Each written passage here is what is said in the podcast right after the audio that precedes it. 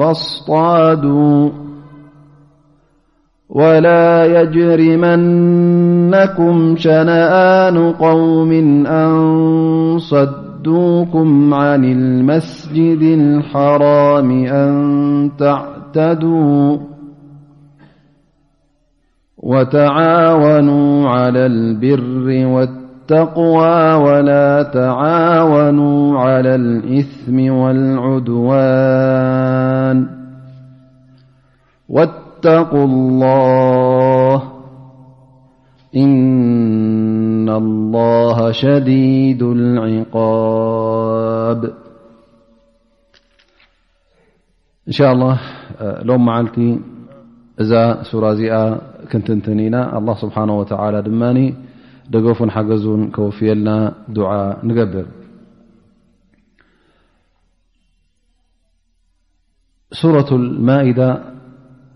ካብተን ነዋሕቲ ሱራታት ትኸውን ማለት እዩ እዛ ሱራ እዚኣ ድማ ገለ ዑለማ ካብተን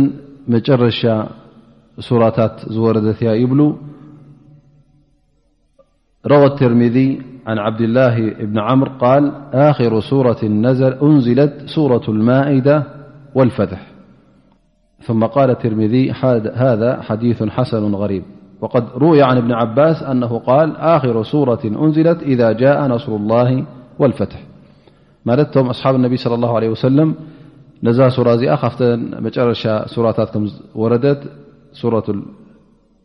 الفتح ورامبن عباسخرورةإذا جاء نور الل معناها سورة النصرروى الحاكم أيضا عن جبير بن نفير قال حججت فدخلت على عائشة فقالت لي يا جبير تقرأ المائدةأي معناهاسورة المائدة فقلت نعم فقالت أما إنها آخر صورة نزلت فما وجدتم فيها من حلال فاستحلوه وما وجدتم فيها من حرام فحرموه ثم قال صحيح على شرط الشيخين እዘን እዛ ሱራ እዚኣ ኩላ ብሓንሳ ኣይወረደትን ግን ገለ ካብዛ ሱራ እዚኣ ወይ ብዙሕ ኣያታት ኣብቲ መጨረሻ ዕድሜ ነቢና ሙሓመድ ለ ላ ለ ወሰለም ኣብኡይ ወሪዱ ማለት እዩ ግን ገለ ካብኣ ድማ ኣቀዲሙ ዝወረደ ኣሎ ስለዚ ትፍሊ ትሪኦ ዘለካ ኣስሓብ ነቢ ለ ላ ለ ወሰለም ኣክር ሱራ ወሬዳ ክብሉ ከለዉ ግዴታ ኩላ ኣይኮነትን እንታይ ገለ ካብኣ ካብዛ ሱራ እዚኣ ኣብ መጨረሻ ኣብቲ ዕድመ ነቢና ሙሓመድ ለ ላ ለ ወሰለም ከም ዝወረደ ዝሕብረና ማለት እዩ ምክንያቱ እቲ ኣብ መንጎቶም ኣስሓብ ነቢይ ለ ላ ለ ሰለም ዘሎ ኪላፍ ንሪኦ እተ ኮይና ሱራ ብምልእታ ክብል እከሎ ሓኦም ምናልባሽ ሱራ ክብል እከሎ እታ ሱራ ብምልእታ ይብል ነይሩ ኸውን እቲ ድማ ገለ ካብዛ ሱራ እዚኣ መጨረሻ ስለ ዝወረደ ኣብኡ ከሎ በታ 234 ኣያ ዝወረዳ ነዛ ሱራ እዚኣ ዓብሊሉ ኣብ መጨረሻ ዝወረደት ሱራ ኢሉ እውን ጠቂስዋ ክኸውን ይኽእል እዩ ግን እቲ ዘብርሃልና ካብቲ ሰይድ እሻ ዝበለቶ ነዚ ጁቤር ዝበሃል መፅዋ እሞ ሱረት ማኢዳ ሓፍዛ ዲኻ ተቐርኣ ዲኻ ኢላ ምስ ሓተቶ እወ ኢሉ እሱ ድማ እሳ ድማ እንታይ ትብሎ እሞ እዛ ሱራ እዚኣ ካብተን መጨረሻ ወይ ከዓ መጨረሻ ሱራ ዝወረደ ስለ ዝኾነት እቲ ኣብዛ ሱራ እዚኣ ትረኽቦ ናይ ሓላልን ናይ ሓራምን ጉዳይ ቀጥ ዓቢልካ ሓዞ ምክንያቱ እዚ ኣብዛ ኣያ እዚኣ ዝወረደ ብድሕሪኡ ካልእ ኣያታት ወሪዱ ዝሰረዞ ኣያታት ከምዘየለ ትሕብሮ ማለት እዩ ሰይድ ዓይሻ ረ ላ ዓንሃ ስለዚ ከም ዝበልናዮ እዛ ሱራ እዚኣ ዓባይ ነዋሕ ሱራ ትኸውን ማለት እዩ እቲ ሒዛቶ ዘላ ድማ ዕማማት በቢ ዓይነቱ ይኸውን ማለት እዩ ተፈላለየ ዕማማት ሒዛላ ማለት እዩ በቢ ዓይነቱ ኣርእስትታት እውን ዝሓዘት እያ እቲ ቐንዲ ጉዳይ እውን ኣብቲ ኩሉ ኣርእስትታት ክትዋፈር እንከላ እቲ ቐንዲ ነጥቢ ክትረጋግፆ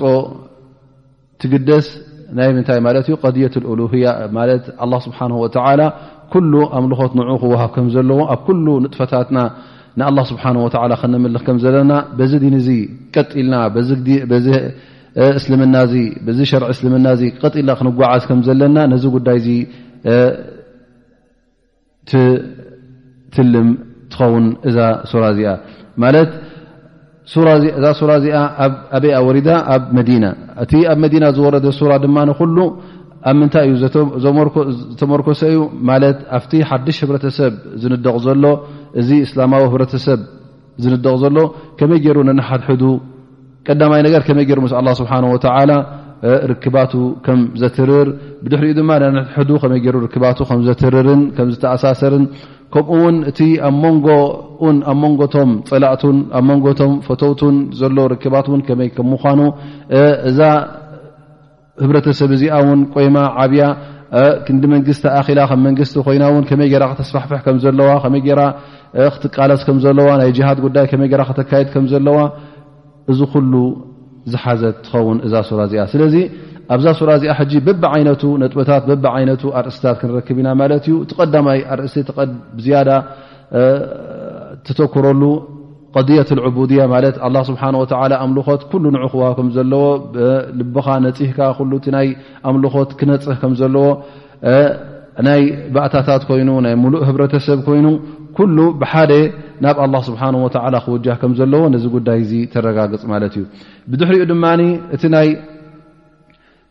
ማሕበረሰብ ዘሎ ወይ ከዓ እቲ ናይ ማሕበራዊ ስርዓት እውን ንኡ ከመይ ገይሩ ክካየድ ከም ዘለዎ ከመይ ገይሩ ክተኣሳሰር ከም ዘለዎ ስርዓት ከመይ ገይሩ ክሕዝ ከም ዘለዎ ነዚ ነገር እዚ ትውድብ ማለት እዩ እዛ ሱራ እዚኣ ብድሕሪኦ እውን ከምቲ ዝጠቐስናዮ እቲ ስርዓትን እቲ ሕግታትን ናይ ኣህጉራዊ ማለት እዩ ማለት እቲ ህብረተሰብ ኣብ መዲና ዘሎ ወይ ከዓ እታ መንግስቲ ኣብ መዲና ቆይማ ዘላ ኣብ ትሕቲ ነቢና ሓመድ ለ ላ ለ ወሰለም ምስተን ካልኦት መንግስታት ከመይ ገይራ ክትረኻብ ከም ትኽእል እንታይ ዓይነት ርክባት ከም ዘለዋ ነዚ ጉዳይ እዚ እውን ትርኢ ትኸውን ማለት እዩ ከምኡ ውን ኣብ ርእሲኡ እቲ ናይ ሓላልን ናይ ሓራምን ጉዳይ ነዚ ነገር እዚ እውን ብብዝሒ ኣብዛ ሱራ እዚኣ ንረክቦ ማለት እዩ ከምዝ ከምዝ ሓራም እዩ ከ ከ ሓላል እዩ እናበለ ኣ ስብሓ ወላ በብ ሓደ እውን ይትንትነልና ማለት እዩ በብ ዓይነቱ ይጠቕሰልና ናይ ዝብላዕ ነገር ይኹን ናይ ዝስተ ነገር ይኹን ናይ መስተ ነገር ይኹን ናይ መርዓ ናይ ፆታዊ ርክባት ኣየና እዩ ሓላል ኣየና እዩ ሓራም እዚ ነገር እዚ እውን ኣላ ስብሓን ወተዓላ ኣብዛ ሱራ እዚኣ የብርሃልና እቲ እንበልዖ እንታይ እዩ ዝፍቀደልና እቲ ዝሕረድ ከመይ ከም ምዃኑ ስጋ ይኹን ካልእ ነገራት እውን ኣላ ስብሓን ወተዓላ ይሕብረና ማለት እዩ እዘን እዛ ሱራ እዚኣ ነዚ ኩሉ እውን ምስ ምንታይ ተኣሳስሮ ከምቲ ዝበልናዮ ምስ ኣምልኾት ናይ ኣላ ስብሓን ወላ እዚ ኩሉ ጉዳያት ክገብር እንከለኻ እዚ ኩሉ ናይ ሓላል ናይ ሓራም ምስ ምንታይ ክእሰር ኣለዎ ኩሉ ግዜ ምስቲ ኣምልኾት ናይ ኣላ ስብሓን ወላ ምኽንያቱ ሓደ ነገር ሓራም ክኸውን እተ ኮይኑ ከም ሓራም ኮይንካ ኮይኑ ክትጥምቶን ክትሪኦን ክትኣምነሉ እተ ኮይንካ ብኣላ ስብሓን ወተዓላ ተኣዘዘን ብኣላ ስብሓን ወተዓላ ተኸልከለን ኮይኑ ክትኣምነሉ ከለኻን ባዕልኻ ንነብስኻ ክትሕርማ ከለኻ ወይ ከዓ ሓደ ሰብ ኣገዲዱካ ወይ ከዓ ሓደ ከማኻ ሰብ ግበር ኢሉካ ኣይትግበር ኢሉካ ተገዲድካ ትገብሮን እቲ ኣላ ስብሓን ወተዓላ ዝብለካ ትገብሮን እውን በብ ዓይነቱ ከም ምኳኑ እቲ ካብ ኣላ ስብሓን ወተዓላ ዝመፀካ ተገዲድካ ይኮንካ ትገብሮ እንታይ ደኣ ካብ እምነት ተበገሰ ማለት እዩ ኣምልኾት ንኣ ስብሓ ላ ሂብካ ምክንያቱ እሱ ስለ ዝፈጠረን እሱ ስለ ሽሻይ ዝሃበን እሱ ስለ ዝኸለቀን ኣ ስብሓ ወላ እሞ ንሱ ድማ ኩሉ ኣምልኾት ንኡ እዩ ዝግብኦ እሱ እዩ ሓላልን ሓራምን እዚ ፍቀደካን እዚ ኣይፍቀደካን ክብለካ ከሎ ናይ ስብሓ ወላ ኩሉ ኣምልኾት ክትቦ ከለካ ኣብዚ ይበርህ ማለት እዩ ኣብ ርእሲ እዚ ድማ ምስ ምንታይ ተቀራርበና ማለት እዩ እቲ ቅድሚ ሕጂ ዝግበር ዝነበረ ጌጋታት ኣህለል ክታብ ዝገብርዎ ነበሩ ኣይሁዳውያን ይኹኑ ከምኡውን ነሳራ ማለት ክርስትያን ይኹን እቲ ናቶም ጌጋታት እቲ ናቶም ኣብቲ መፅሓፎም ዝገብርዎ ዝነበሩ ዘይተባህለን ዘይተነበን ዘንብቦ ዝነበሩ ዘይናቱ ዘእትውሉ ዝነበሩ እቲ ጌጋታት ዝነበረ እውን ከመይ ከም ዝነበረ ኣላ ስብሓን ወተዓላ ነዚ ጉዳይ እዚ እውን የብርሃልና ማለት እዩ ኣብ ርእሲኡ እውን ብዝያዳ እዛ ሱራ እዚኣ ውን ፍልይ ዝበለ ወይከዓ ብዝያዳ ተረጋግፆ ውን ተዳርእና ቕضየት እንታይ ማለት እያ ጉዳይ ናይ እቲ ፍርድን እቲ ውሳኔን ኩሉ ንኣላ ስብሓን ወተላ ክኸውን ከም ዘለዎ ኣልሕኩም ልላ ስብሓን ወተላ ክኸውን ከም ዘለዎ እቲ ናይቶም ኣይሁዳውያንን ናይቶም ክርስትያንን ኣብዚ ጉዳይ እዚ ኣብዚ መዳይ እዚ ክሳዕ ክንደይ ከም ዝሰሓቱን ከም ተጋገዩን ምስ ጠቐሰት ብዝያዳ እውን እዛ ህብረተሰብ እስልምና እዚኣ እዚ ዲን እዚ እውን እቶም ተኸተልቲ እዚ ዲን እዚ እዚ ሃይማኖት እዚ እዚ ዲን እዚ ቅጥ ኢሎም ነቲ ኣላ ስብሓን ወተዓላ ዘውረዶ ሕግን ኣላ ስብሓን ወተዓላ ዝወሰኖ ውሳኔታትን ዝሓገጎ ሕጋትን ኣብ ህወታዊ መዓልታዊ ህወታዊ ጉዳያቶም ንጥፈታቶም ኣብኡ ንኸውዕልዎን ብኡ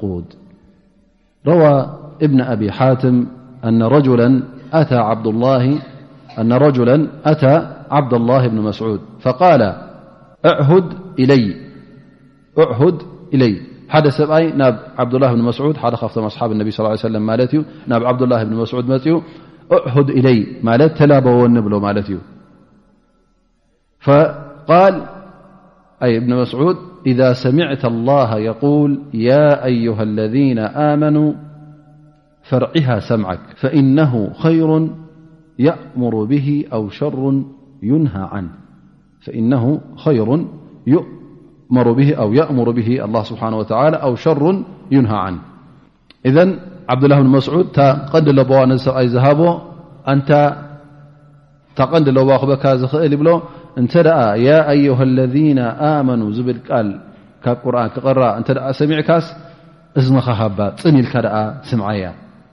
ተገደሰላ ስለምንታይ እዚ ፃውዒት እዚ ክትፅዋዕ እንከሎ ብድሕሪኡ ዝመፅእ ወይ ሰናይ ነገር ኮይኑ ንክትገብሮ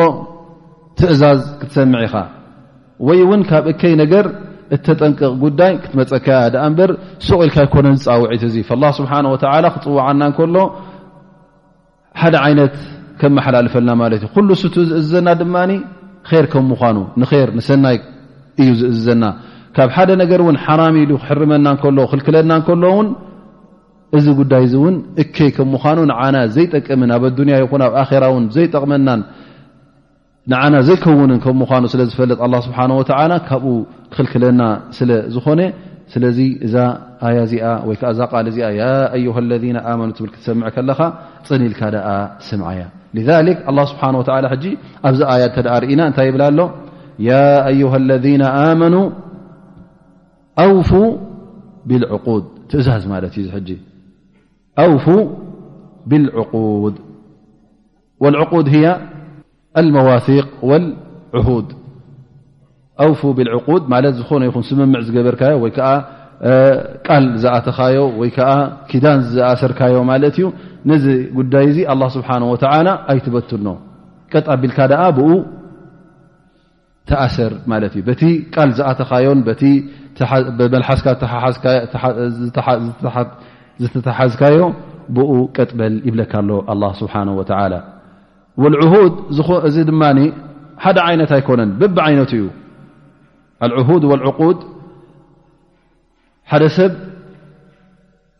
ዓህድ ወይ ዓቕድ ክገብር እንከሎ ቀዳማይ ነገር እቲ ዝዓበየ ዓህድን ዝዓበየ ኪዳንን ቃልን ምስ መን ተኣሲሩ ኣሎ ምስ ረብኻ ኣሲርካዮ ኣለኻ ማለት እዩ እሱ ድማ እቲ ኣብ መንጎኻን ኣብ መንጎ ኣላን ስብሓን ወተላ ዘሎ ዓቕድን ዓህድን ኪዳንን ንኣላ ስብሓን ወተዓላ ክትግዝኦ ንኣላህ ስብሓን ወተዓላ ክትምእዘዞ ኣላ ስብሓን ወተዓላ ሓላል ዝበለካ ሓላል ክትገብሮ ኣላ ስብሓን ወተዓላ ዝሓረሞ ክትሕረሞ ኩሉ ኣላ ስብሓን ወተዓላ ዝኣዘዘካ ነዚ ጉዳይ እዚ ኣብ ግብሪ ክተውዕሎ ከለኻ እዚ ነቲ ኣላ ስብሓን ወተዓላ ንኣላ ስብሓን ወተዓላ ዝኣተኻዮ ቃል ኣብ ግብሪ ተውዕሎ ኣለኻ ማለት እዩ لأن الله سبحانه وتعالى يقول وإذ أخذ ربك من بني آدم من ظهورهم ذريتهم وأشهدهم على أنفسهم ألست بربكم قالوا بلا شهدنا أن تقول يوم القيامة إنا كنا عن هذا غافلين مالت الله سبحانه وتعالى جنا ከይተወለድና ከለና ኣብ ዝባን ኣቦና ኣደም እንከለና ከም ዝኣመሰለ ቃል ኣትናሉ ኢና ወኢዝ ኣኸذ ረቡካ ምን በኒ ኣደመ ምን ظሁርም በኒ ኣደም ገና ብ ዝባን ኣቦኦም ከለዉ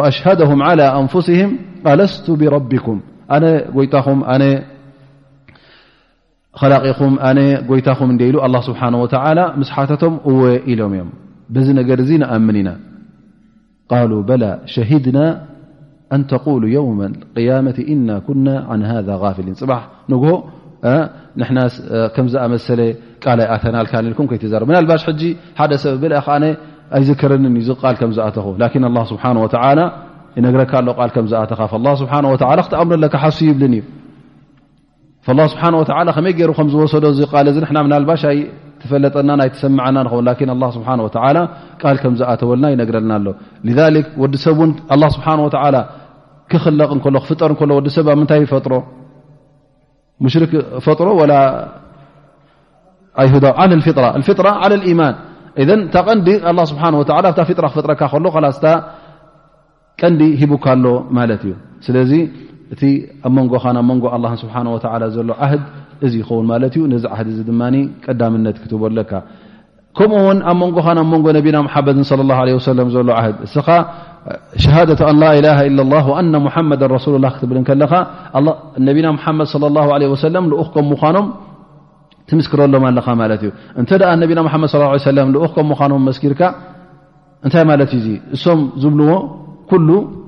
ካብ ኣላ ስብሓን ወላ ዝመፀ ማለት እዩ ካብ ኣላ ስብሓ ወላ ተላኢኾም ዘምፅዎ ማለት እዩ ስለዚ ክትኣምነሎም ኣለካ ኣሚንካ ልኡኽ ከም ምኳኖም ክትምእዘዞም ኣለካ ኣሰሮም ክትክተል ይግብኣካ ማለት እዩ ምክንያቱ ኣብነትካን ኣርኣያኻን መን እዮም ነቢና ሓመድ ለ ለ ወሰለም ስለዝኾኑ ልክዕ ከም ኣርኣያን ኣብነትን ጌርካ ዓይንኻ ኩሉ ግዜ ክትገብሮም ኣለካ እቲ ሶም ዝገብርዎ ዝነበሩ ኣብ ግብሪ ንኸተውዕሎ እቲ ሶም ዝብልዎ ዝነበሩ እውን ክትምእዘዞን ክትገብሮን ግዴታ ይኸውን ማለት እዩ ከምኡ ውን ካልእ ዓይነት ኣብ መንጎኻን ኣብ መንጎ ደቂ ሰብን ትገብሮ ቃል ኣሎ ማለት እዩ ዓህድ ኣሎ ዓቅድ ኣሎ ማለት እዩ እዚ ወይ ምስ መን ይኸውን ማለት እዩ ምስቶም መራሕትኻ ትገብሮ ምስቶም ውላት ምስቶም ኣእመት ሙስልሚን ዝበሃሉ ኣብ መንጎኻን ኣብ መንጎኦምን ዓህድ ዝግበር ኣሎ ዓለ ሰምዕ ወጣዓ ክሰምዖምን ክጣይዖምን ፊ ይሪ ማዕስየት ላ ክኸውን ከሎ እዚ ሕጂ ምስኦም ትኣትዎ ዘለኻ ቃል ይኸውን ማለት እዩ ካብቲ ሶም ዝብሉኻን ካብቲ መገዲ እውን ክትወፅእ የብልካ ማለት እዩ ምክንያቱ ቃል ኪዳን ስለ ዝኣሰርካ ምስኦም ማለት እዩ ከምኡ ውን ኣብ መንጎኻን ኣብ መንጎ ኣዕርክቱኻ ንኣብነት እተ ኣለ ኮይኑ ዕርክነት እተ ኣለኩም ኮይኑ ሕውነት እተ ኣለኩ ኮይኑ ኩሉ ግዜ ንስኻ ንዓርክኻ ድ ስምምዕ ነይርኩም ኮይኑ እንተ ቃል ተኣታትኹም ነርኩም ኮይኑ ንክተሓጋገዙ ኣብ ኩሉ ግዜ ውን ክትተሓጋገዝ ከም ዘለካ በዚ ቃል እዚ እውን ተቃልሎ የብልካን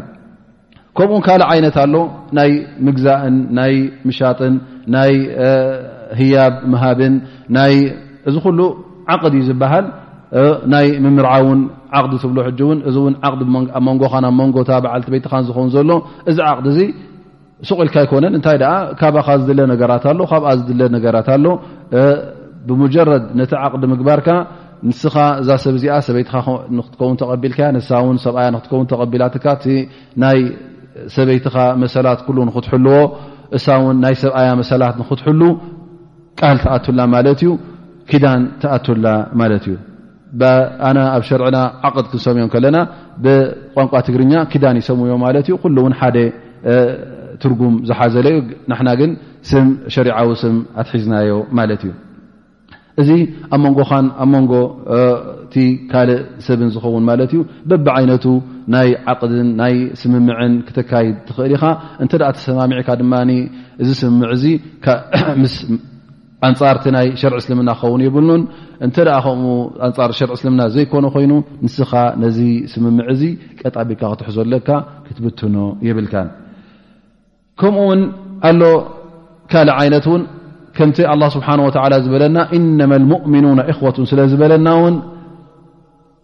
ኣስላም ነነድሕዶም ከም ቃል ዝተኣሳተው ኮይኑ ስለ ዝቁፀር ምክንያቱ ኣላ ስብሓ ወላ ኣሕዋት ኢኹም ስለ ዝበለና እቲ ናይ ሕውነት መሰላት እውን ናይ ኣስላማይ ክትሕልወሉ ኣለካ ማለት እዩ እዚ ልክዕ ከመይ ከም ዝኣተኻዮ ከም ቃል ከም ዝኣተኻዮ ክኸውን ይግባእ ማለት እዩ ስለዚ ኣብ መንጎኻን ኣብ መንጎቶም ኣሕዋትካ ኣስላምን ናይ ደገፍን ምትሕግጋዝን ኣብ ናይ ሰናይ ነገራት ኩሉ ኣብኡ ክትተሓጋገዝን ክትደጋገፍን ከም ዘለካ ክትፈቓቐር ከም ዘለካን ከምኡ እውን ኣብ መንጎኻ ሕንፍሽፍሽን ፅልእን ንኸይርከብ ውን ክትቃለስ ከም ዘለካ እዚ እውን ቃል ኣቲኻ ማለት እዩ ነዚ ነገር እዚ እውን ኣብ ግብሪ ከተውዕሎ ከም ዘለካ ኣላ ስብሓን ወተዓላ በዛ ኣውፉ ብልዕቁድ ትብል ብኩሉ ኣሲሩና ማለት እዩ ስለዚ እዛ ኣውፉ ብልዕቁድ ክትብል ከላ ሓደ ዓይነት ቃል ምእታው ዝሓዘት ኣይኮነን ሓደ ዓይነት ዓቅድን ዓህድን ዝሓዘት ኣይኮነትን እንታይ ደኣ ብቢ ዓይነቱ ከም ምኳኑ እዚ ይበርሃልና ማለት እዩ ወይ እውን እዚ ዓቅድ እዚ እንተ ኣብ ናይ ውልቀ ሰባት እተዘይኮይኑ እውን ኣብ መንጎ ሃገራትን ኣብ መንጎ ውድባትን ኣብ መንጎ ጀምዕያታትን እንድሕር ዝካየድ ኮይኑ እውን እንተ ስምምዕ ኣሎ ኮይኑ እውን ነዚ ስምምዕ እዚ ኣብ ግብሪ ንኸተውዕሎ ክትብትኖ ከም ዘይብልካ ኣላ ስብሓን ወተዓላ የብርሃልካ ኣሎ ማለት እዩ ስለዚ ሓደ ካብቲ ጠባያት ባህርያት ናይ ኣስላማይ እንተ ደኣ ንሓደ ነገር ንክገብሮ ቃል ኣትዩ ካብ በዚ ቃሉ እዚ ቀጥ ኣቢሉ ክሕዝ ቀጥ ኣቢሉ ክኸይድ ከም ዘለዎ በታ መልሓሱ ዝበላ እውን ካብኣ ክወፅእ ከም ዘይብሉ ኣላህ ስብሓን ወተዓላ በዛ ኣያ እዚኣ የብርሃልና ማለት እዩ ስለዚ እዚ ዓቕዲ እዚ ግዴታ ከምቲ ዝተሰማማዕካዮ ክትምልኦ ክሳዕ መጨረሽኡ ክትበፅሖ ኣለካ ኣብ መንጎ ክትብትኖ ከምዘይብልካ እንተ ብውሱን መዓልታት ኮይኑ ተን መዓልታት ክሳዕ ዝውድኣ እንተ ክፉት ነይሩ ኮይኑ ዝስምምዕ እዚ ብክፉቱ ቅፅል ከም ዘለዎ ብኣኻ ውን ምብታን ንኸይጅምር ንኸይትብትን እውን ኣላ ስብሓን ወተዓላ የጠንቅቐካ ኣሎ ማለት እዩ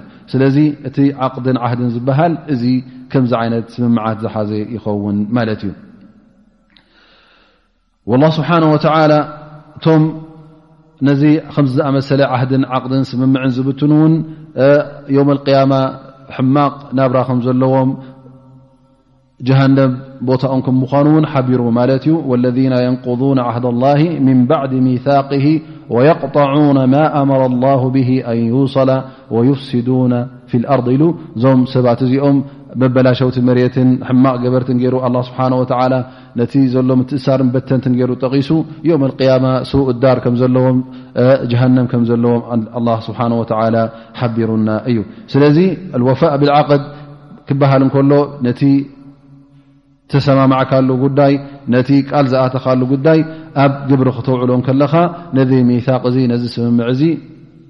ኩሉ ግዜ ከም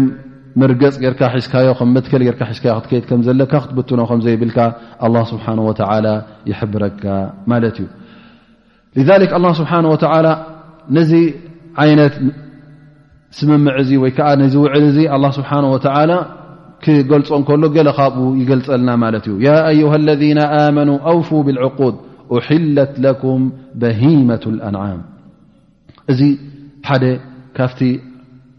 ኣብ መንጎኻን ኣብ መንጎ ኣላ ስብሓን ወተላ ዘሎ ዓቕዲ ማለት እዩ እንታይ እዩቲ ሓላል እንታይ እዩቲ ሓራም ወዲ ሰብ ከም ድላዩ ደስ ዝበሎ ሓላል ደስ ዘይበሎ ሓራም ክገብር ኣይፍቀዶን እዩ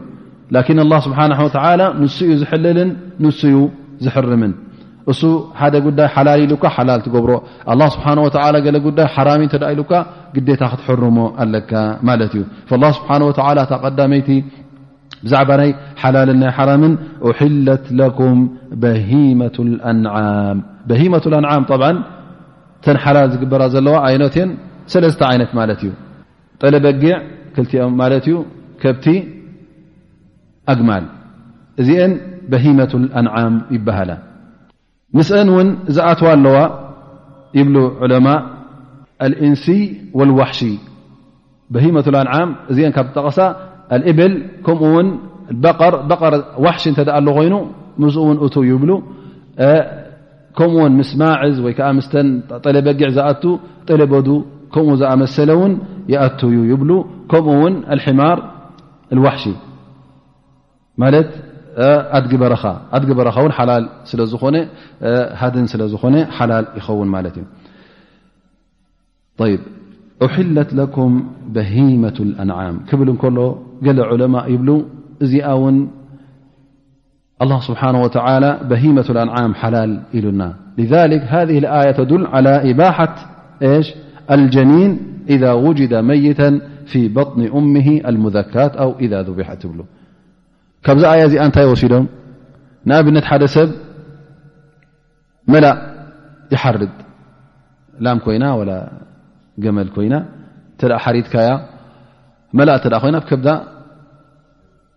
ዕሸል ክትረክብ ኢኻ ማለት እዩ እዘ እዚ ሕጂ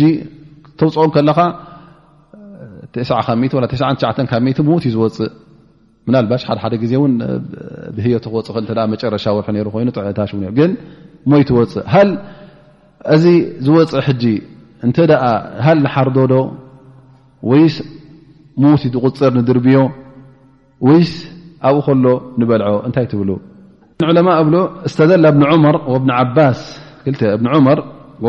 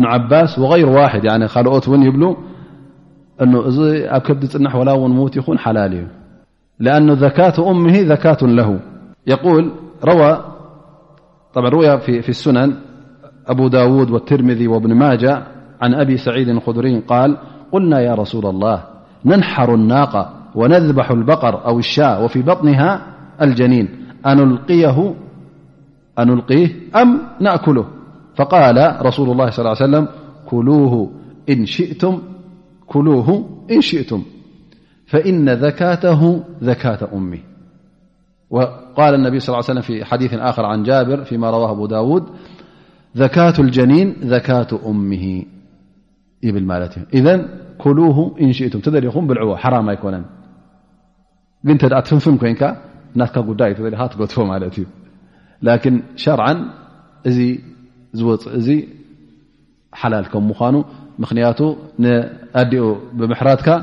ንኡ ሓሪድካ ማለት እዩ ምክንያቱ ክልኦም እሱን ኣዲኡን ብደም እራኸቡ እዮም ስለዚ እቲ ፋስድ ደም ዘሎ እቲ ክወፅእ ዘለዎ ደም ተሓራርዳ ምስኡ ስለ ዝወፀ ፈኢነ ዘካተ ዘካት ኡሚ ልክ እቲ ነዲኡ ተገበረ ማሕረድቲ ልክ ንኡ ከምተገበረ ስለዝኾነ نشئمرالولال انبي صلى الله علي وسلمهثم يقو الله بحنه وتلىأحلت لكم بهيمة الأنعام إلا ما يتلى عليكمالله سبهوىه الأن ف لالإلا ما يتلى عليكم بهيمة الأنعام الله سبحانه وتعالىحره ክመፀና እዩ ብ ኣብተ እንሻ ላ ሳልሰይቲ ኣያ ወይ ራብይቲ ኣያ እን ላ ክትመፀና እያ እንታይ እቲ ካብዚ በሂመት ላንዓም ተባላ ካብ ጠለበጊዕን ካብ ከብትን ኣግማልን ሓራም ዝኸውን እንታይ ምስ ዝኸውን እዩ ኣላ ስብሓን ወተዓላ ጠቂሱልና ኣሎ ማለት እዩ ኣብ ኣያታት ክመፀና እዩ غይረ ሙሒሊ صይድ ብ ብሓፂሩ ማለት ይረ ማ ይላ ለይኩም ንኣብነት ጠለ በጊዕ ተ ምውቲ ኮይና እተ ብስም ኣላ ስብሓን ወተላ ዘይተሓረዘት ኮይና እዚ ከምዝኣመሰለ ወይ ከዓ በትኪ ኮይና ከም ዝኣመሰለ ወይ ትደም ኣብ ውሽጣ ዘሎ ሓራም ከም ምኳኑ እዚ ኩሉ ክመፀና እንሻ ላ እዚ ብሓፂሩ ማለት እዩ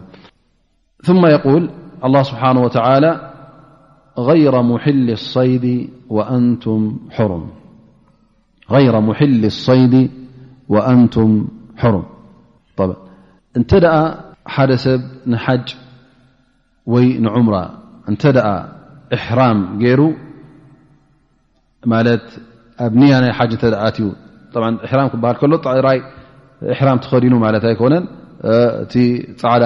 ክዳን ተኸዲኑ ማለት ኣይኮነን እንታይ ደኣ ኣብ ንያ ክኣት ኣለዎ ለበይከ ላሁማ ዑምረተን ትብል ወይ ከዓ ለበይከ ላሁማ ሓጀን ኢሉ እንተ ብእሕራም ተለቢሱ ኣብዚ ሰዓት እዚ ሃድን ንክበልዕ ወይ ከዓ ንኸይ ሃድን እውን ኣላ ስብሓን ወተዓላ ሓራም ከም ምዃኑ ይሕብረሉ ኣሎ ማለት እዩ እዚኣ እንታይ ዮም ርክባ ምስታ ውሒለት ለኩም በሂመት ኣንዓም ዝበልናያ ኣላ ስብሓን ተላ በሂመት ኣንዓም ምስ በለ ዑለማ ኣብ ትሕቲ ዚ በሂመት ኣንዓም እንታይ ኣእትዮም ኣድጊ በረኻን ከብቲ በረኻን እዚታት ስለ ዘእተውሉ ጠለ በዱ ስለ ዘእተውሉ እዘን ካብዚ እውን እንታይ ወፅእ ኣሎ ማለት እዩ እንተ ደኣ ግን ሙሕሪም ኣለኻ ኮንካ ንሓጅ ንዑምራ ንክትገብር እሕራም እተ ዝገበርካ ኮንካ ክትቀርብ የብልካን ነዚ ከምዝኣመሰለ ዓይነት ማለት እዩ ነቲ ሃድን ግን ጠለ በጊዕ ከብቲ ኣግማል ግን ኣይክልከላኻን እየን ዋላ ውን ኢሕራም ግበር ወይ ኣብ ሓረም ይኹን ውን ኣይክልከለካን ማለት እዩ ስለዚ ሃደን ኣበይ ዝኽልከለካ ኣብ ውሽጢ ሓረም እተ ኮይና ላ ኮይና እዛ ትህደን እንስሳ ወይ እስኻ ውን ካብ ሓረም ወፃእ ወ ወላ ሃሉ እንተ ኢሕራም ጌርካ ኣለኻ ኮይንካ ውን ንኽትሃድን ኣይፍቀደካን እዩ ስለዚ እዚ ትርክብ ናይዛ ቃልን ናይታ ቅድሚያ ዝሓለፈትማት ስለምንታይ ስብሓ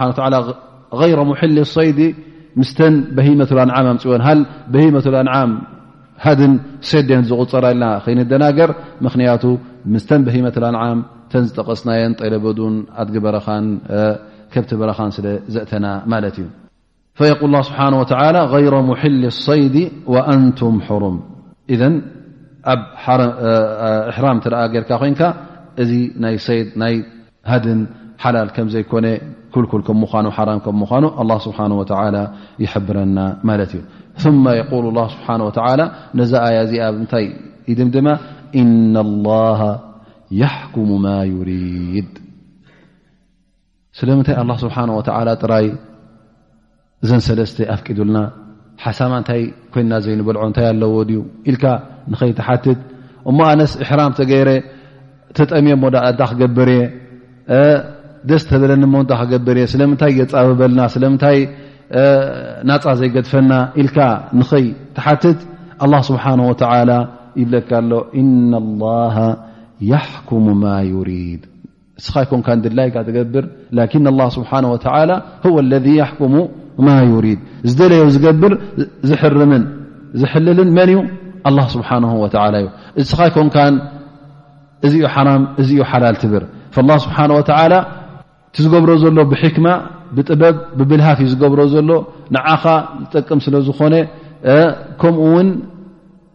ፈተና ኣብዛ ዱንያ እዚኣ ንክፍትነካ ምናልባሽ ሃል እስኻ ብሓቂ እቲ ኣምልኾት ናይ ኣላ ስብሓን ወላ ኣነ ንኣላ ስብሓን ወላ ሙሉእ ኣምልኾት ይህበ ትብል እተ ኮይንካስ እሞ እዚ ኩሉ ፈተናታት እናጓነፈካ ከሎ እቲ ሙሉእ ኣምልኾት ኣብ ግብሪ ተውዕሎ ዲኻ ተርእዮ ዲኻ ወይስ ናይ መልሓስ እምነት እዩ ዘለካ ኣላ ስብሓን ወተላ ይምርምረካ ኣሎ ማለት እዩ ላ ስብሓን ወተላ ላ ሙዓቂባ ሊሕክሚ ስለምንታይ ከምዚ ገይርዎ ስለምንታይ ከምዚ ዘይገብሮ እታይ ከምዝኾነ ዶይመሓሸን ዝብል ዘረባስ ፈፂሙ ክወፅእ የብሉን ካባኻ እቲ ዝድላዩ ዝገብር ዝድላዩ ዝፈርድን ዝድላዩ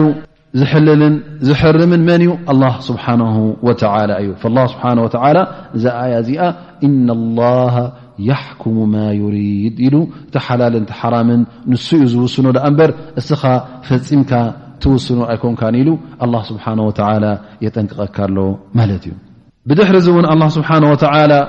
ብዛዕባ ሓላልን ሓራምን እውን እዛረባ ኣሎ ማለት እዩ ብዙሕ ኣያታት እውን ከምኡ ዝክመፀ ሒለ ለኩም ሕሪመት ዓለይኩም እናበለ ኣላ ስብሓን ወተላ ብዛዕባ ሓላልን ሓራምን ጉዳያት ኣብዛ ሱራ እዚኣ ብብዝሒ ክንረኽቦ ኢና ፈየቁል ላ ስብሓን ወተላ ያ ኣዩሃ ለذነ ኣመኑ ላ ትሕሉ ሸዓኢር ላህ ላ ትሕሉ ሸዓር ላ እዚኣ እውን ፃውዒት እያ እንደገና ኣላ ስብሓን ወተላ ፅዋዓካ ኣሎ ማለት እዩ ያ ዩሃ ለذ ኣመኑ ኣንቱም ብኣይ ዝኣመንኩም እተ ብሓቂ ብኣላ ስብሓ ወ ዝኣመንኩም እተ ኮይንኩም ውን ቀጢልኩም በቲ ኣላ ስብሓ ወ ዝበኩም ዘሎ መምርሕን ኣላ ስብሓን ወላ ዝሕብረኩም ዘሎ መገድን ብኡ ቀጥ ኣቢልኩም ክትከዱ ኣለኩም ማለት እዩ ላ ስብሓን ወተላ ፀዊዑ ሕጂ እውን እታ ቀዳመይቲ እንታይ ነራ ኣሕለት ለኩም ኢሉ ኣውፉ ብልዕቁድ ማለት እቲ ግዴታ ክንገብሮ ዘለና ሓቢሩና ካብቲ ሓደ ዓቅድታት ድማ እቲ ሓላል እንታይ ከም ምኳኑ ሓቢሩና ማለት እዩ ኣብዚ እውን ሕጂ ሓደ ሓራም ዝኾነ ነገር ይሕብረና ኣሎ ማለት እዩ ፈየል ያ ዩሃ ለذ ኣመኑ ላ ትሕሉ ሸር ላ ማለት ኣይ መናስካ ሓጅ ማለት እንተ ብሓጅ ተለቢስካ ትሕጅ እተ ኮንካ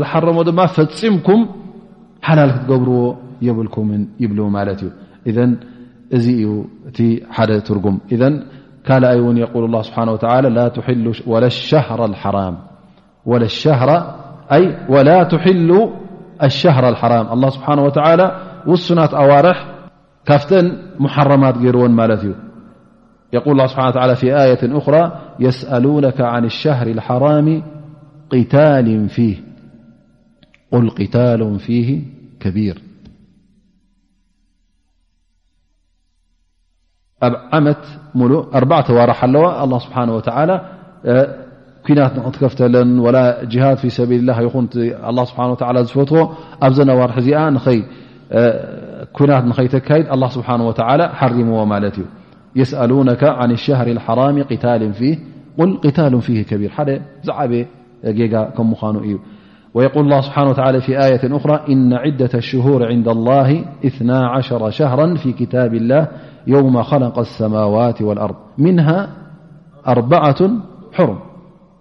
أبعةرمرمالويقول انبي صلى الله عليه وسلم في حجة الوداع إن الزمان قد استدار كهيئة يوم خلق الله السماوات والأرض السنة إثنا عشر شهرا منها أربعة حرم ثلاث متواليات ذو القعد وذو الحجة ومحرم ورجب مضر الذي بين جماد وشعبان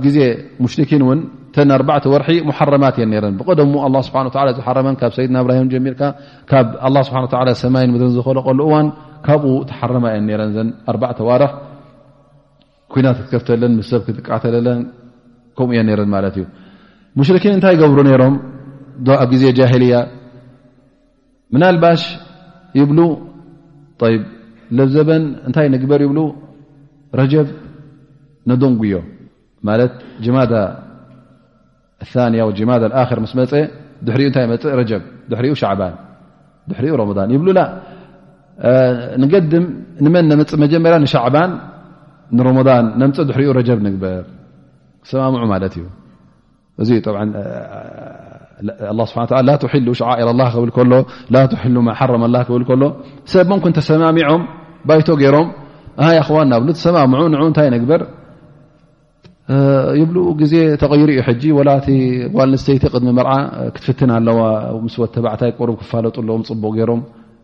ምስኡ ድላያ ክትገብር ኣለዋ ገለመታ ትብለካ ስለዚ ግዜ ስለተቐየረ እሞ እዚ ባይቶ እዚ ተሰማሚዕሉ ተሰማሚዕሉ ኢሎም ዝሰማምዕሉ ማለት ቀደም ሕጂ ነፍቲ ሸቲ ሙሽርኪን ከምኡ ገብሩ ነይሮም ማለት እዩ ምክንያቱ ነቲ ኣላ ስብሓን ወተላ ዘውረዶ ሕግን ኣላ ስብሓን ወተላ ዝበሎን ንዕኡ ትነፅጎ ኣለኻ ማለት እዩ ሓላልን ሓራምን ትገድፍ ኣለኻ ማለት እዩ ባዕልኻ ሓላል ዝደለኻዮ ሓላል ትገብሮ ባዕልኻ ሓራም ዝደለኻዮ ሓራም ትገብሮ ማለት እዩ እዘን እስኻ ሕዚ ንገዛእ ርእስኻ ንኣላ ስብሓን ወተላ ተሻረኾ ኣለኻ ማለት እዩ ቲ ኣምልኾቱ ኣብ ክንዲ ንሱ ጥራይ ዝሽርዕ ኣነ ውን ምስኻ ክሽርዐ ትብሎ እዚ ን ዝበልካዮ ምስዚ ግዜና ዝሰማማዕ የለን ቁሩብ እዚኣ ክነደንጉያ እዞም ሰባት እዚኦም ጥዕሞም ምናልባሽ ኩናት ክኸፍቱ ሓሲቦም ኾኑ ምቹ ናይ ኤኮኖማዊ ምቹ ግዜ ኣለዎም እቲ ዘለዎ ግዜ ፅቡቕ ብረት ኣኪቦም ዝፀንሑ ንፋስ ፅቡቕ ይህሉ ጥዑም ይህሉ ኣብዚ ሰዓት እዚ ኩናት ተኸፊትካ ዕድል ስለ ዘሎ እንታይ ንቦ እሞ ሕጂ እዚኣ ረጀብ እያ ወይ ከዓ ተንሻሃር ሕሮም እሞ ኣብዛ ወርሒ እዚኣ እንተ ነዞም ሰባት እዚኦም ዘየጥቃዕናዮም እንተ ድሕሪ ወርሒስ እቲ ኩነታት ክቅየር እዩ እሞ እንታይ ንግበር ላስ ረጀብ ነደንጉዮ ኢሎም ዝሰማምዑ ላስ እብ ያክዋን ሓደ መርሱም መለክ ይወፅ ማለት ወይከዓ መርሱም ናይቲ ሕጊ ወፅዩ ማለት እዩ ተሓጊጉ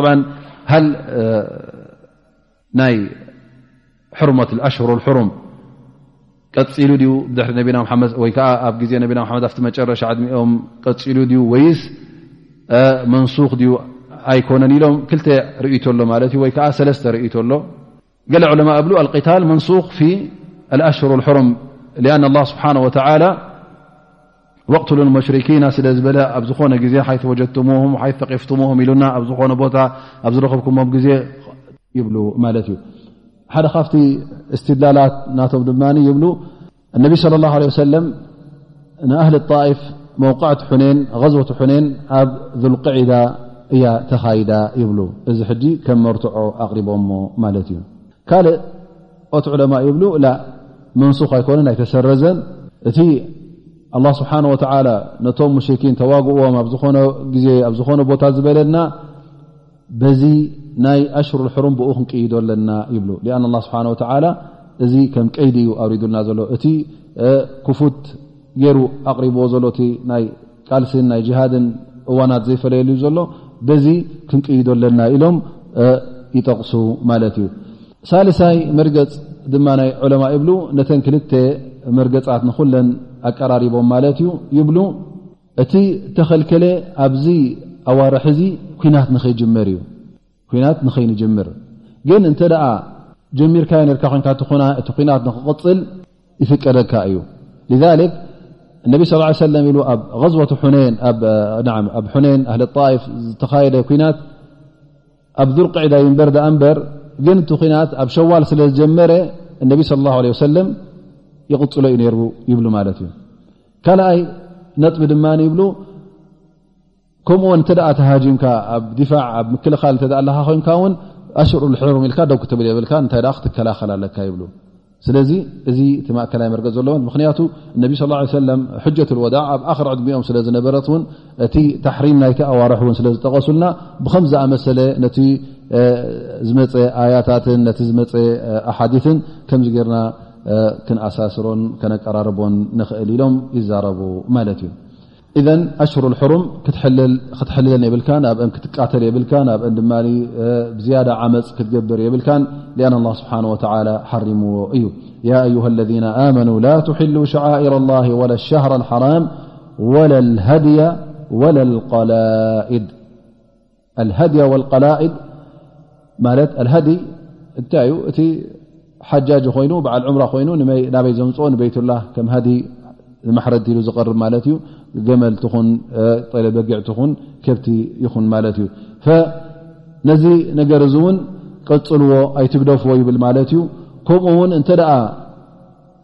ነዚ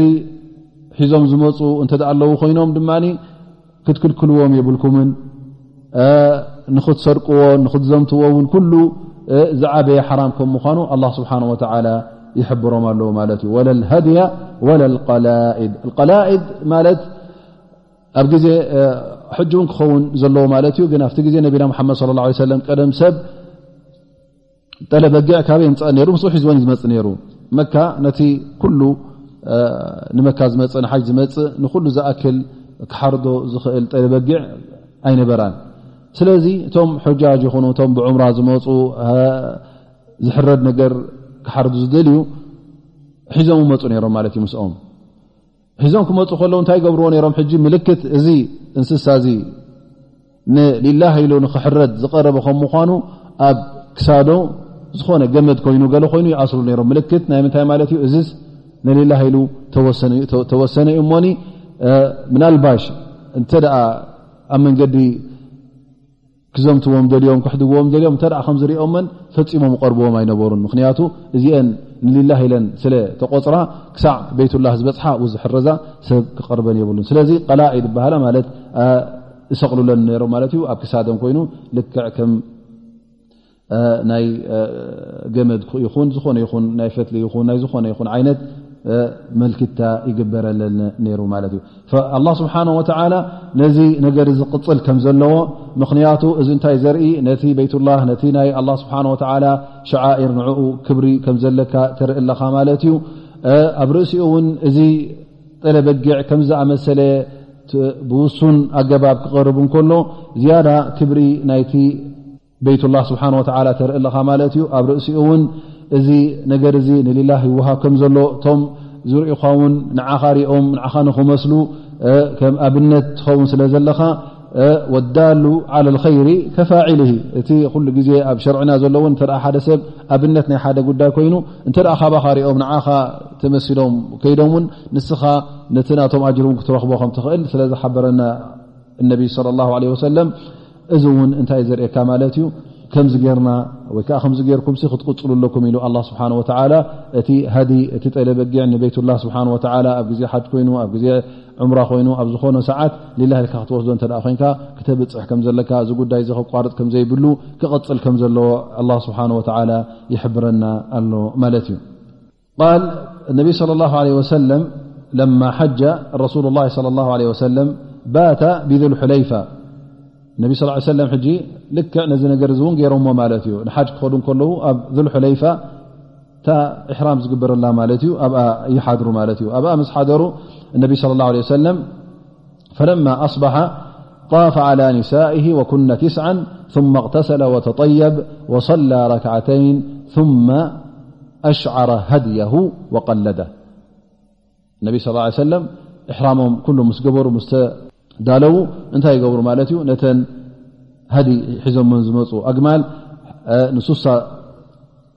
ዝኾና ኣግማል ምስኦም ነይረን ማለት እዩ ተረፋ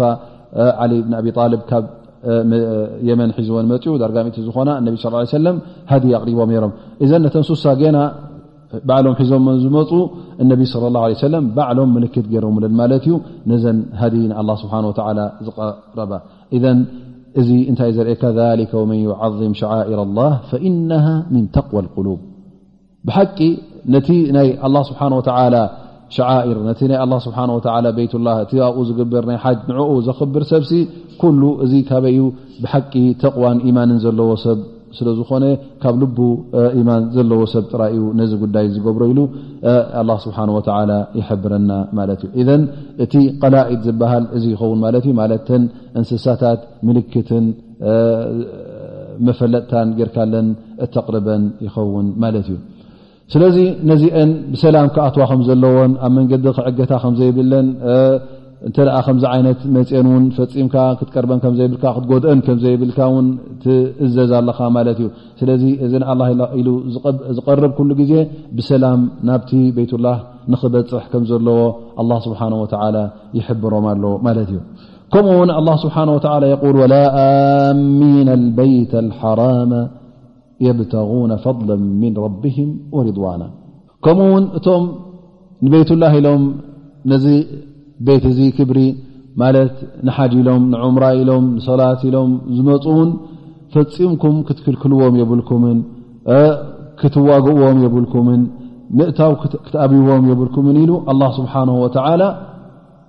ይሕብር ኣሎ ማለት እዩ ወላ ኣሚና ኣይ ቃስዲና ነዚ ቤትላ ኢሎም ዝመፁ ሰባት ውን ፈፂምኩም ክትክልክልዎም የብልኩምን ምክንያቱ እንተ ከልክልኩሞም ነቲ ኣላ ስብሓን ወተላ ዝወሰኖ ገደብ ንዕኡ ትሰግሩ ኣለኹም ማለት እዩ ነቲ ኣላ ስብሓን ወተላ ዝሓረሞ ንዕኡ ትጥሕሱ ኣለኹም ማለት እዩ ኢሉ ኣላ ስብሓን ወተላ የጠንቀቃሎ ወላ ኣሚና ልበይት ሓራማ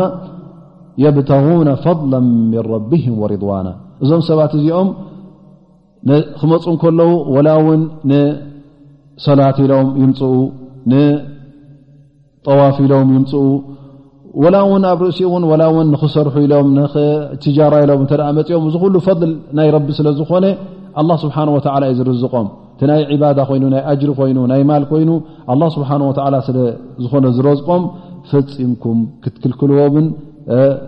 ክትመልስዎምን የብልኩምን ክትዋግእዎምን እውን የብልኩምን እንተ ደኣ ይመፁ ኣለዉ ኮይኖም እዞም ሰባት እዚኦም ብሰላም ክኣትው ኣለዎም ኢሉ ኣላ ስብሓን ወተዓላ ይሕብር ኣሎ ማለት እዩ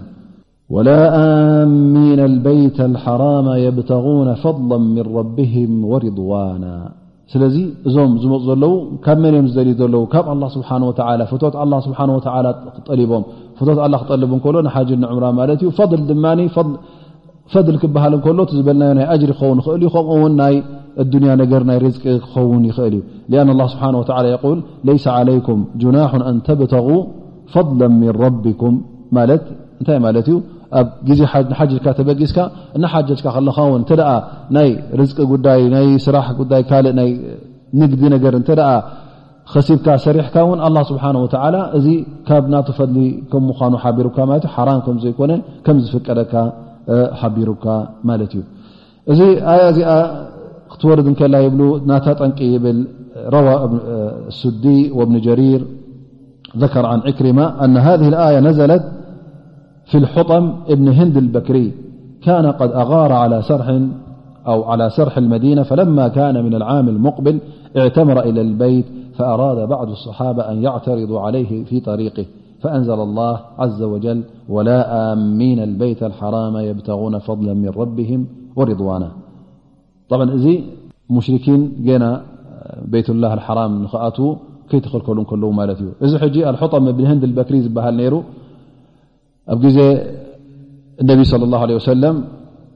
ካብቶም ሙሽኪን ነይሩ ማለት እዩ ሓደ ግዜ ንመዲና ኣብቲ ወሳናስን ወዲና ህጁም ገይሩ ነይሩ ማለት እዩ ኣጥቂዑ ነይሩ ማለት እዩ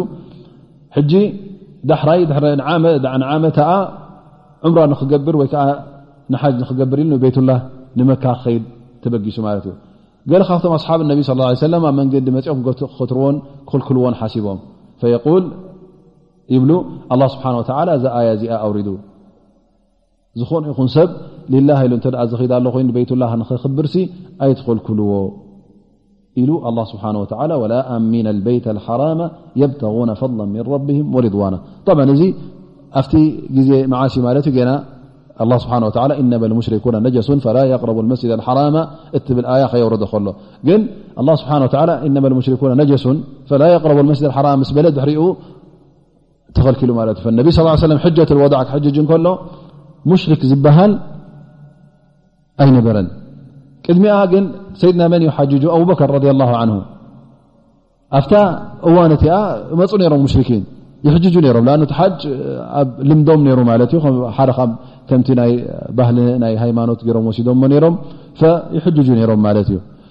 ላኪን ነቢ ስ ሰለም ብ ኣዚዝዎ ማለት ድሕሪ ዛ ዓመት እዚኣ ዝኾነ ይኹን ሙሽርክ ከይቀርባ ወይ ከዓ ንከይሕጅጅ ትእዛዝ ተመሓላሊፉ ከምኡ ውን ዝኾነ ይኹን ሰብ ጠዋፍ ገብር እከሎ ፈፂሙ ጥራይ ነብሱ ኮይኑ ጠዋፍ ንከይገብር እውን እነቢ ለ ለ ወሰለም እዕላን ገይሩ ማለት እዩ ንዓመታ ኢሉ ሰይድና ኣቡበከር ንዓመታ ፈፂሙ ዝኾነ ይኹን ሙሽርክ ንኸይመፅእ ከምኡ ውን ጠዋፍ ግበሩ ከሎ ጥራይ ነብስኻ ኮንካ ጠዋፍ ግበር ከምዘይብሉ እዚኣን ክልተ መቐንዲ መልእኽቲ እነቢ ስለ ላ ሰለም ንዕኣን ልእኽዎ ብሰብ ሓጅጁ ማለት እዩ ንዓመታኣ እነቢ ስለ ላ ሰለም መፅኡ ምስ ነቢ ስ ሰለም ዝሓጅጁ ኩሎም ሙወሒዲን ነይሮም ማለት እዩ ፈፂሙ ሙሽሪክ ኣይነበሮምን ማለት እዩ እዘን ቅድሚኡ ፍቀድ ስለ ዝነበረ ይኽልከሉ እውን ኣይነበሩን ብድሕሪኡ ግን ኣላ ስብሓን ወተላ ሙሽርኪን ርኹሳት ስለ ዝኾኑ ቤይትላህ ንኸይቀርቡ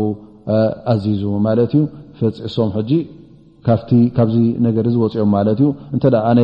ብሙሽርክ ከሎ እተ ሓጅ ደልየ ወይከዓ ዑምራ ክገብር ደልየ ነዚ ቤት ላ ክክብር መፅ እተ ኢሉካ እንተ ብኣላ ስብሓን ወ ዘይኣምን ኮይኑ ዝኾነ ይኹን ሃይማኖት እተ ኣለዎ ኮይኑ ክቀርብ ከም ዘይብሉ ኣላ ስብሓን ወተላ ይሕብረና ማለት እዩ ማ የቁሉ ላ ስብሓን ወተላ ወኢዛ ሓለልቱም ፈስጣዱ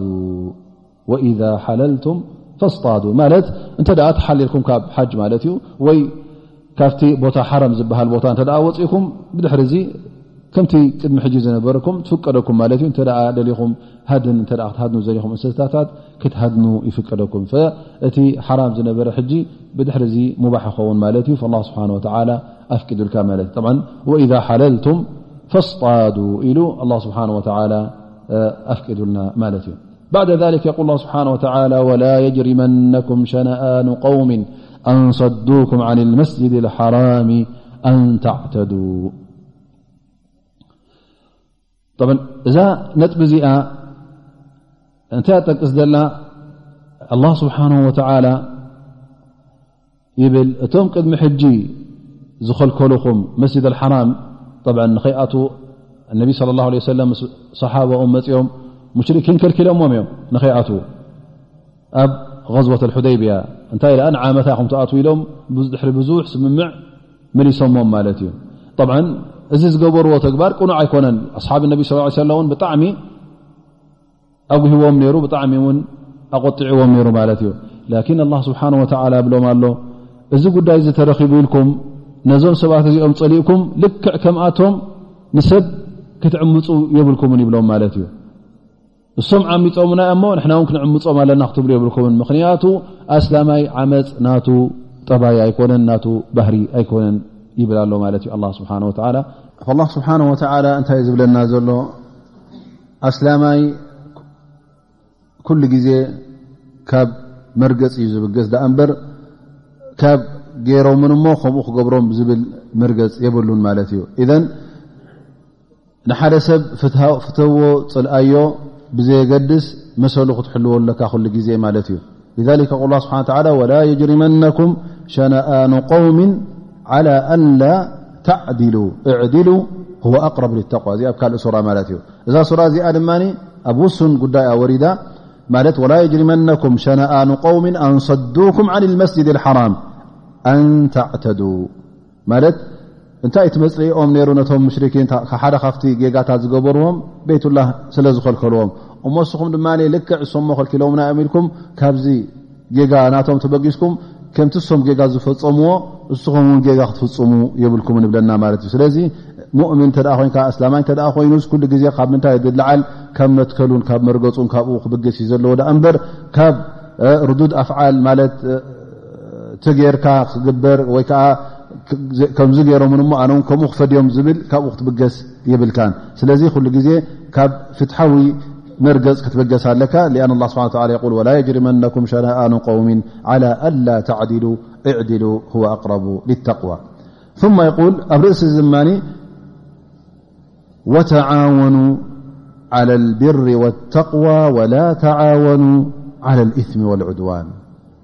ኩሉ ግዜ ውን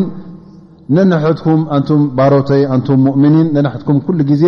ክትደጋገፉን ክትተሓጋገዙን ኣለኩም ትትደጋገፍሉን ትተሓጋገዝሉን ድማ ኩሉ ግዜ ኣብ ሰናይ ነገር ክኸውን ኣለዎ ኣልቢር ወተቕዋ ኩሉ ኣላ ስብሓን ወተዓላ ዝፈትዎ ሰናይ ነገር ክኸውን ኣለዎ ኣብዚ ጉዳይ እዚ ኣብቲ ነቲ ሙንከራት ጌጋ እዩ ንኽትብል ማዕሩፍ እተ ኮይኑ ሰናይ እተ ኮይኑ ንኽግበር ጥዑም ቃል ጥዑም ዘረባ እናስማዕካ ኩሉ ግዜ ናብ ሕትካ ክትተሓጋገዝን ክትደጋገፍን ከም ዘለካ ኣላ ስብሓን ወተላ ይእዘካ ኣሎ ወላ ተዓወኑ ዓላ ልእስሚ ወልዑድዋን ምናልባሽ ሓዉኻ እስላማይ እንተ ክጋገ ርኢኻዮ ኣነ ምስኡየ እሞ ኣነ ክድግፎ እየ ኣላ ስብሓን ወላ ንኽድግፎ ኣዚዙኒ ኢልካ ኣብቲ ዝገብሮ ዘሎ ጌጋ ምስኡ ክትተሓባበርን ምስኡ ክትሓጋገዝን የብልካ ከምቲ ዝበልናዮ ኩሉ ግዜ ኣስላማይ ካብ ምንታይ እዩ ዝለዓል ካብ መርገፅን ካብ መትከልን ካብ እምነትን እዩ ዝለዓል ዳኣ እምበር ካብ ዓጢፋ ወይ ከዓ ካብ ናይ ዕርክነትን ናይ ሕውነትን ናይ ካልእ ነገራትን ኣይበገስን እዩ ስለዚ ኣላ ስብሓን ወተላ ወላ ተዓወኑ ዓላ ልእስም ወልዑድዋን ይብለና ወልእስም ኩሉ ኣምሮ ላ እም ዝበሃል ጌጋ ወይ ዘንቢ ማለት እዩ ኣላ ስብሓን ወላ ዝኣዘዘካ ክትገድብ ከለኻ እዚ ዘንቢ ይበሃል ማለት እዩ ወልዑድዋን የቁሉን ሙጃወዘት ልሓድ እዕተዳ ማለት እዩ ምግሃስ ማለት እዩ ግሃሲ ማለት እ ንሓደ ጉዳይ ክትግህዝ ማለት እዩ ንሰብ ኣብ ክንዲ ብፍትሓዊ ዓይኒ ትሪኦ ነቲ መሰሉ ክትግህዝ ከለኻ ዑድዋን ይበሃል ማለት እዩ ኢዘን ኣላ ስብሓን ወተላ ክትተሓጋገዝን ክትደጋገፍን እተ ኮይንካ ኩሉ ግዜ ኣብ ሰናይ ኣብ ፅቡቕ ክኸውን ከም ዘለዎ ጌጋ እተ ኮይኑ ግን ኣብ ጌጋ ነገር ክተሓጋገዝ የብልካን ነቢ ለ ላ ለ ሰለ ል እንሱር ኣኻከ ሊመን ኣው መظሉመን ምስ በለ እቶም ኣስሓብ ነቢ ለ ላ ለ ወሰለም እውን ተገሪሞም ማለት እዮም ያ ረሱላ ላ ንና እዚ ሓውና እዚ እተ መሉም ኮይኑ ከመይ ገርና ከምንሕግዞን ከምንድግፎን በሪሃትልና ላ ግን ዛንም እናረኣናዮ ከለና ከመይ ኣታ ና ደገፌታ ና ሓገዝ ኢሎም ይሓቱ ማለት እዩ ነቢ صለ ላ ለ ወሰለም ነዛ ጉዳይ እዚኣ ታሕጅር ወተምነዕ ምና ظሉም ፈ ነስር ክጋገ ክትሪኦ ከለኻ ጌጋ ዮ ክትብሎ ከለኻ ኣይትግበር ክትብሎ ከለኻ እዚኣ ዓመፅያ እዚኣ ጌጋያ እዚኣ ዙልሚያ ኢልካ ካብቲ ዝገብሮ ዘሎ ካብቲ ሓሲብዎ ዘሎ ክትመልሶ ከለኻ እዚ ሕጂ ንኡ ደጊፍካዮን ሓጊዝካዮ ማለት እዩ ምክንያቱ ናበይ ጠውዮ ኣለኻ ናብ ር ናብ ሰናይ ጠውዮ ስለ ዘለኻ ናብ ኣጅሪ ናብ ረቢ ዝፈትዎ መገዲ ትሕብሮ ስለ ዘለኻ እዚ ሕጂ ንኡ ደገፌታን ሓገዝን እዩ ዝቁፅር ኣ እምበር ኣንፃሩ ኣይኮንካን ዘለኻ እዘን ናይ ሎሚ ደርስና ብዚ ድምደም ማለት እዩ እንሻ ላ እተን ዝሓዝናየን ነጥብታት ወይከዓ ፋይዳታት ዘለዋ ከም ልምድና እንሻ ላ ንዕእን ንጠቅስ ብኢዝኒላ ስብሓን ወተላ ኣብ ዝመፅ ዘሎ ሰሙን ድማ እንሻ ላ እቲ ተሪፉ ዘሎ ንክንቅፅል ረቢ ዕምርን ዓፍያን ንክበና ዱዓ ንገብር እተን ፋይዳ ዝሓዝና እየን የብል ቀዳመይቲ ካብታ መጀመርያ ኣያ ንወስድ ማለት እዩ ኣላ ስብሓ ዮሃ ለና ኣመኑ ኢሉ ጀሚሩልና እዚኣ ከምታ ዝሰማዕናያ ንኩሉ ግዜ እዛ ፃውዒት እዚኣ ንሰምዕ ከለና ክፅኢልና ክንሰምዓ ከም ዘለና ምክንያቱ ወይ ንሰናይ ዝፅውዕ ወይ ከዓ ዝእዝዝ መልእኽቲ ንሰምዕ ወይ ከዓ ካብ እከይ ነገር ዘጠንቀቕ መልእኽቲ ብድሕሪኣ ስለ ዝመፅእ ተገዲስና ክንሰምዓ ኣለና ምክንያቱ ንዓና ትርኢ ስለ ዝኾነት ካልኣይቲ ነጥቢ ይብል እታ ኣውፉ ብልዕቁድ ትብል እታ ዕቁድ ሓንቲ ዓይነት ዓቕዲ ወይ ከዓ ዓህዲ ዘማልእታ ኣይኮነትን በቢ ዓይነቱ እዩ ኣብ መንጎኻን ኣብ መንጎ ሰበይትኻን ይኹን ኣብ መንጎኻ ብ መንጎ በዓል ስራሕን ይኹን ኣብ መንጎኻን ኣብ መንጎ ካልኦት ሰባትን ዝግበር ዝኾነ ይኹን ስምምዕን ውዕልንሲ ኩሉ ግዜ ቀጥ ኣቢልና ነዚ ውዕል እዚ ኣብ ግብሪ ከነውዕሮ ከም ዘለና ፈፂምና ክንብትኖ ከምዘይብልና እትእዝዝ ኢሉ ይሕብር ማለት እዩ ባረከ ላ ፊክ ጠብዓ ቀዳማይ ነገር እቲ ንሓደ ጉዳይ ሓላል ዝገብርን ሓራም ዝገብርን ሲ ኣላ ስብሓን ወተላ ጥራይ ከም ምዃኑ እዚኣ ነጥቢ ሒዝና ማለት እዩ ቀዳመይቲ ካልኣይቲ ንሕና ንዓና ዝኾነ ይኹን ኣስላማይ እቲ ናይ ሓላል ናይ ሓራምን ጉዳይ ንዕኡ ዝያዳ ክብሪ ልኡልነትን ዝውስኾ እዩ ምክንያቱ ካብ እንስሳን ካብ ካልእን ይፈልዮ ማለት እዩ እንስሳ እያ እንታይ ከም ትገብእ እንታይ ሓላል እንታይ ሓራም ዘይትፈደጥ ዳኣ እምበር ኣስላማይ በቲ ሕጊ ናይ ኣላ ስብሓን ወተላ ክኸይዱ ከሎ ንኡ እቲ እሱ ሒዝዎ ዝኸይድ ሕጊ ካብ ኣላ ስብሓን ወተላ ዝመፀ ስለ ዝኾነ ንኡ ልእሉነትን ክብርን እዩ ዘልብሶ ኣብ ርእሲኡ ድማ ካልእ ፋይዳ ዝሓዝናያ እቲ ጉዳይ ሓላልን ሓራምን ብኣላ ስብሓን ወተላ ጥራይ ዝውሰን ደኣ እምበር ብድምፂ ዝውሰን ኣይኮነን ስለዚ እንተ ደኣ ሓደ ጉዳይ ሰብ ተሰማሚዕሉ ኢልካ ተሰማሚዕናሉ ኢልካ ነቲ ሓላል ሓራም ክትገብሮ ኣይትኽእልን ኢኻ መብዝሕትና ዘሊናዮ ኢና ነዚ ኣፍቂድናሉ ኢና ኢልካ ባዕልኻ ንሓራም ሓላል ንሓላል ሓራም ክትገብሮ ክትግምጥሎን ሲ እዚ ዘየለ እዩ ከምዚ ሕጂ ንኣብነት ኣብ ባይቶ ይኹን ኣብ ዝኾነ ይኹን መንግስታት ብስም ዴሞክራሲ ኢልካ ብስም ካልእ ዓይነት ማሕበራት ኢልካ ዝቆመ እንተ ደኣ ነቲ ኣላ ስብሓን ወተዓላ ሓራም ዝበሎ ከተሐልል ብብዝሒ ሰብ መብዝሕቱ ከም ዝደልዩ ኢልካ ኢትካ ክተእትወሉን ጣልቃ ክትኣትወ እንተ ኮይንካስ እዚ ካብቲ እቲ እስልምና ዝነፅጎ ማለት እዩ ምክንያቱ ጉዳይ ናይ ሓላልን ሓራምን ንብዙሓት ደልዮሞን ኣይደለይዎን ፈትዮሞን ኣይፈተዩንዎን ኣይኮኑን ዝውስኖ እንታይ ደ ኣላ ስብሓን ወተላ ባዕሉ እዩ ዝውስኖ እና ላ ያሕኩሙ ማ ዩሪድ እቲ ፍርድን እቲ ሕክምን ናይ ኣላ ስብሓን ወተላ ከም ምኳኑ ተረዲእና ይብል ኩሉ ርክባትና ውን ናይ ደቂ ሰብ ን ኩሉ ግዜ በቲ ኣላ ስብሓን ወተላ ዝበለናን ኣላ ስብሓን ወተላ ዝወሰነልናን ብኡ ክንከይድ ከም ዘለና ሎ መዓልቲ እዚኣ ሒዝና ይብል ማለት እዩ እታ ሕለት ለኩም በሂመቱ ላንዓም ዝተባህለ ጠቂስና ኣላ ስብሓን ወተላ ጠለበጊዕ ከብቲ ኣግማል ከም ዝሓለነላ ነጊሩና ኣብ ትሕቲኡ ውን ናይ ሃድን ከም ዝኣትዋ ውን ዕለማ ጠቒሶም ማለት እዩ ከም ናይ ኣድጊ በረኻ ኢልና ነርና ከብቲ በረኻ ዓጋዜን ኢልካ ወላ ጠሌበዱ ኢልካ እዚታት ይኣቱ ማለት እዩ ኢላ ኣላ ስብሓን ወተላ ድማ እንታይ ኣውፅኡ ካብዚ ይረ ሙሕሊ ሰይድ ኣብ ግዜ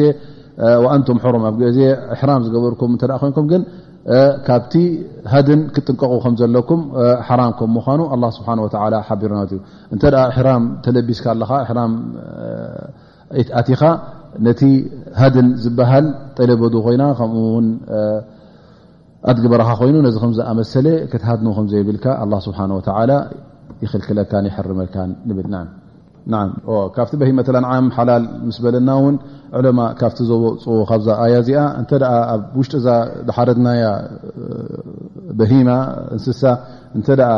ዕሸል ኣሎ ኮይኑ እዚ ዕሸል እዚ በቲ ነዲኡ ዝሓረድናሉ እሱእውን ሓላል ከም ምኳኑ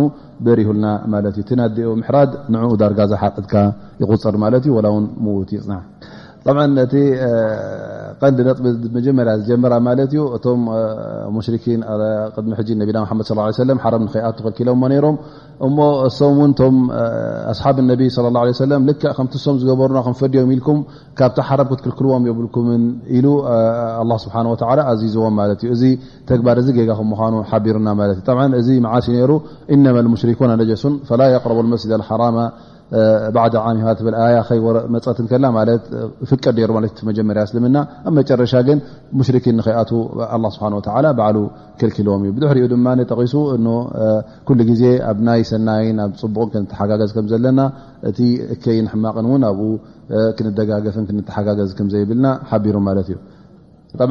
እቲ ኣላ ስብሓ ወላ ዝሓረሞ ኩሉ እቲ ኣላ ስብሓ ወላ ን ዝሓለሎ ኩሉ ከምቲ ኣላ ስብሓ ወላ ዝሃበና ሕራ ኢልና ክንቅበሎ ኣለና እዚኣ ስለምንታይ ኮይና እዚኣ ስለምንታይ ከም ዘይኮነት ኢልካ ባዕልኻ ክትፈላሰፈላ እዚኣ ኣይተረዳእክዋን እዚኣ ከመይ ኣልካ ውን ኣብ ሓንጎልካ ክትመዝና ኣይፍቀደካን እዩ ስለዚ ኣላ ስብሓ ሓላል ዝበሎ ሓራም ዝበሎ ኩሉ እሽኢልካ ሕራ ኢልካ ተቐበሎ እዩ ዘሎ ማለት እዩ እቲ ሙሽርኪን ቅድሚ ሕጂ ነቲ ኣዋርሕ ኣላ ስብሓን ወላ ዝሓረሞ ንዕኦም ንክጥዕሞም ኢሎም ከም ድላዮም ነቲ የቐድሙ ነቲ ይደፍኡ ነቲ የምፅኡ ነይሮም ማለት እዩ እዚ ሕጂ ባዕሎም ኣላ ስብሓን ወላ ዝሓረሞ ባዕሎም ሓላል ብኢደወነ ንኦም ገብሩ ነይሮም ማለት እዩ እዚ ሕጂ ሕማቕ ተግባር ዝገብሮ ዝነበሩ ማለት እዩና